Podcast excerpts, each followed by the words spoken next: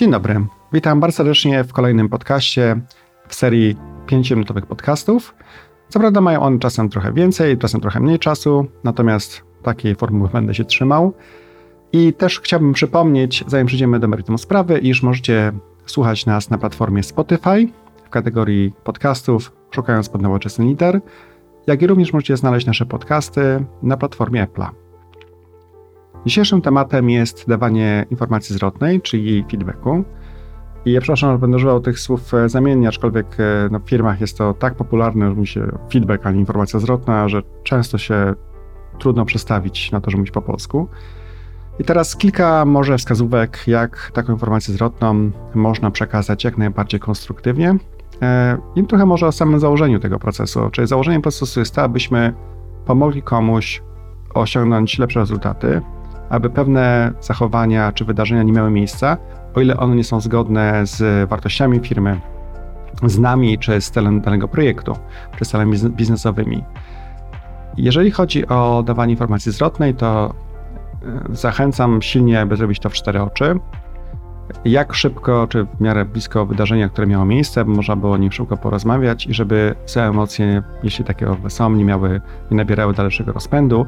Natomiast może nie od razu w emocjach, czyli warto chwilę ochłonąć, zanim przejdzie się na kimś, to jest na spotkanie i o tych tematach się porozmawia. Jeżeli chodzi o narzędzia, jakich można używać, to jedno z tych narzędzi, które ja znam i często stosuję, jest FUKO, czyli fakty, uczucia, konsekwencje, oczekiwania. Jeżeli chodzi o fakty, to oczywiście w tej części naszej powiedzi odnosimy się do tego, co ma miejsce na spotkaniu. Na przykład mówimy, już drugi raz w tym miesiącu zaplanowałeś weekend beze mnie, albo zaplanowałeś pracę beze mnie, albo już po raz drugi, trzeci, czwarty czy pięćdziesiąty e, nie spytałeś mnie o zdanie podczas danej dyskusji. Uczucia to jest oczywiście ta część sekcji, w której mówimy o tym, co myśmy poczuli, tak, jeśli chodzi o zachowanie tej drugiej osoby. I jeśli chodzi o, mm, o te uczucia, mówimy w, od siebie, czyli co nam to zrobiło, czyli używamy z, zawsze formy ja. Konsekwencje to jest nic innego jak co się wydarzy, jeżeli według nas te zachowania będą się powtarzały w przyszłości.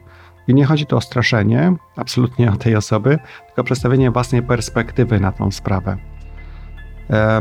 Ostatnim częścią to są oczekiwania, czyli opisujemy to, czego byśmy oczekiwali od drugiej osoby w danym miejscu, w danym czasie, na danym spotkaniu. Czyli na przykład chciałbym, abyś kolejnym razem spytała, spytał mnie o moje zdanie, ponieważ dla mnie jest to istotne, chciałbym się powiedzieć, a czułam się wcześniej pominięta, pominięty.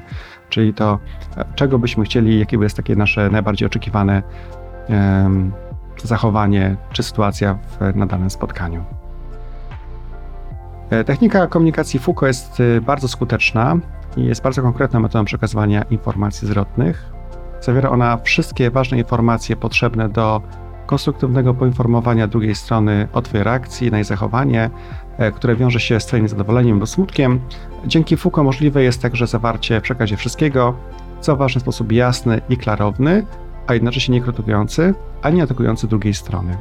Warto oczywiście ją trochę popraktykować, ponieważ nie jest to sprawa, którą się nabywa z dnia na dzień. Warto sobie te tematy wcześniej poćwiczyć.